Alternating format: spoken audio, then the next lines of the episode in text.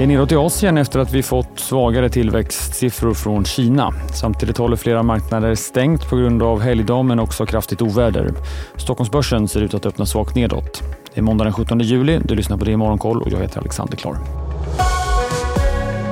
Börsen i Asien backar. Shanghai är ner över 1 Shenzhen strax där bakom efter att vi fått en del data från landet. BNP-tillväxten under det andra kvartalet var lägre än väntat och i årstakt så växte landets ekonomi med 6,3% medan marknaden hade trott att det skulle komma in en bit över 7% vi har också fått detaljhandelssiffror från Kina. Detaljhandeln växte med 3,1% i juni, vilket var ungefär som väntat. I Japan är det helgstängt och i Hongkong håller börsen stängt efter att en tyfon dragit in över ön och påverkar även flyg och trafik avsevärt.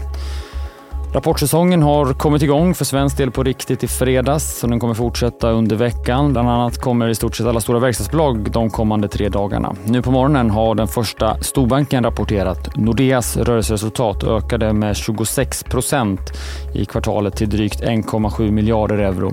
Det var en bit över förväntan. Och bankens räntenetto ökade med 4 procent från i fjol och var också något bättre än väntat.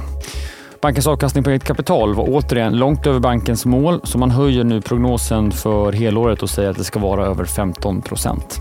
And the reason for that is that we have had a strong first half year, around 18% return on equity, and we, we can't see any big changes to sort of like the rest of the half year and would expect it to land comfortable above 15% sa vd Frank van Jensen och även om kreditförlusterna växte så var det lägre än väntat och fortsatt på låga nivåer. En längre intervju med Frank van Jensen finns på di.se. Senare idag kommer Investor med siffror och vd Johan Forsell intervjuas i DTV kvart över tolv. Det norska laxbolaget Backafrost vinstvarnar för det andra kvartalet. Bolaget säger att man haft exceptionellt låga volymer, framförallt från färöverksamheten liksom den skotska, samtidigt som priserna på färsk lax minskat. Tillbaka till Sverige. Fingerprint Cards vill ta in 340 miljoner kronor, bland annat genom en emission på ungefär halva beloppet för att på så sätt lösa bolagets obligationslån som ligger på 300 miljoner kronor. Bolaget menar att man på grund av lånet begränsas från att satsa fullt ut på tillväxten man har möjlighet att nå. Förutom emission så planerar bolaget att ta ett konvertibellån. Forskningsbolaget Oncosench som utvecklar smärtstillande preparat för cancerpatienter har drabbats av en försening för en av sina produktkandidater, vilket kommer att påverka bolagets kapitalbehov, säger man. Styrelsen överväger nu olika strategiska alternativ, som det heter, för att på bästa sätt tillvarata aktieägarnas intressen.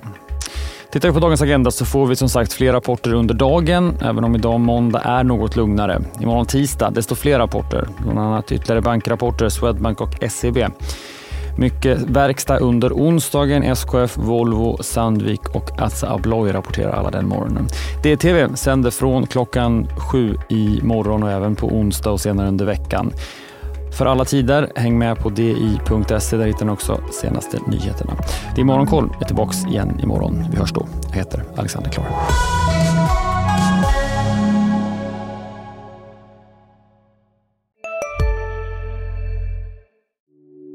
Hej, Ulf Kristersson här. På många sätt är det en mörk tid vi lever i. Men nu tar vi ett stort steg för att göra Sverige till en tryggare och säkrare plats.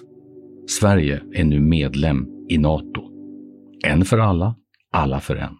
Har du också valt att bli egen?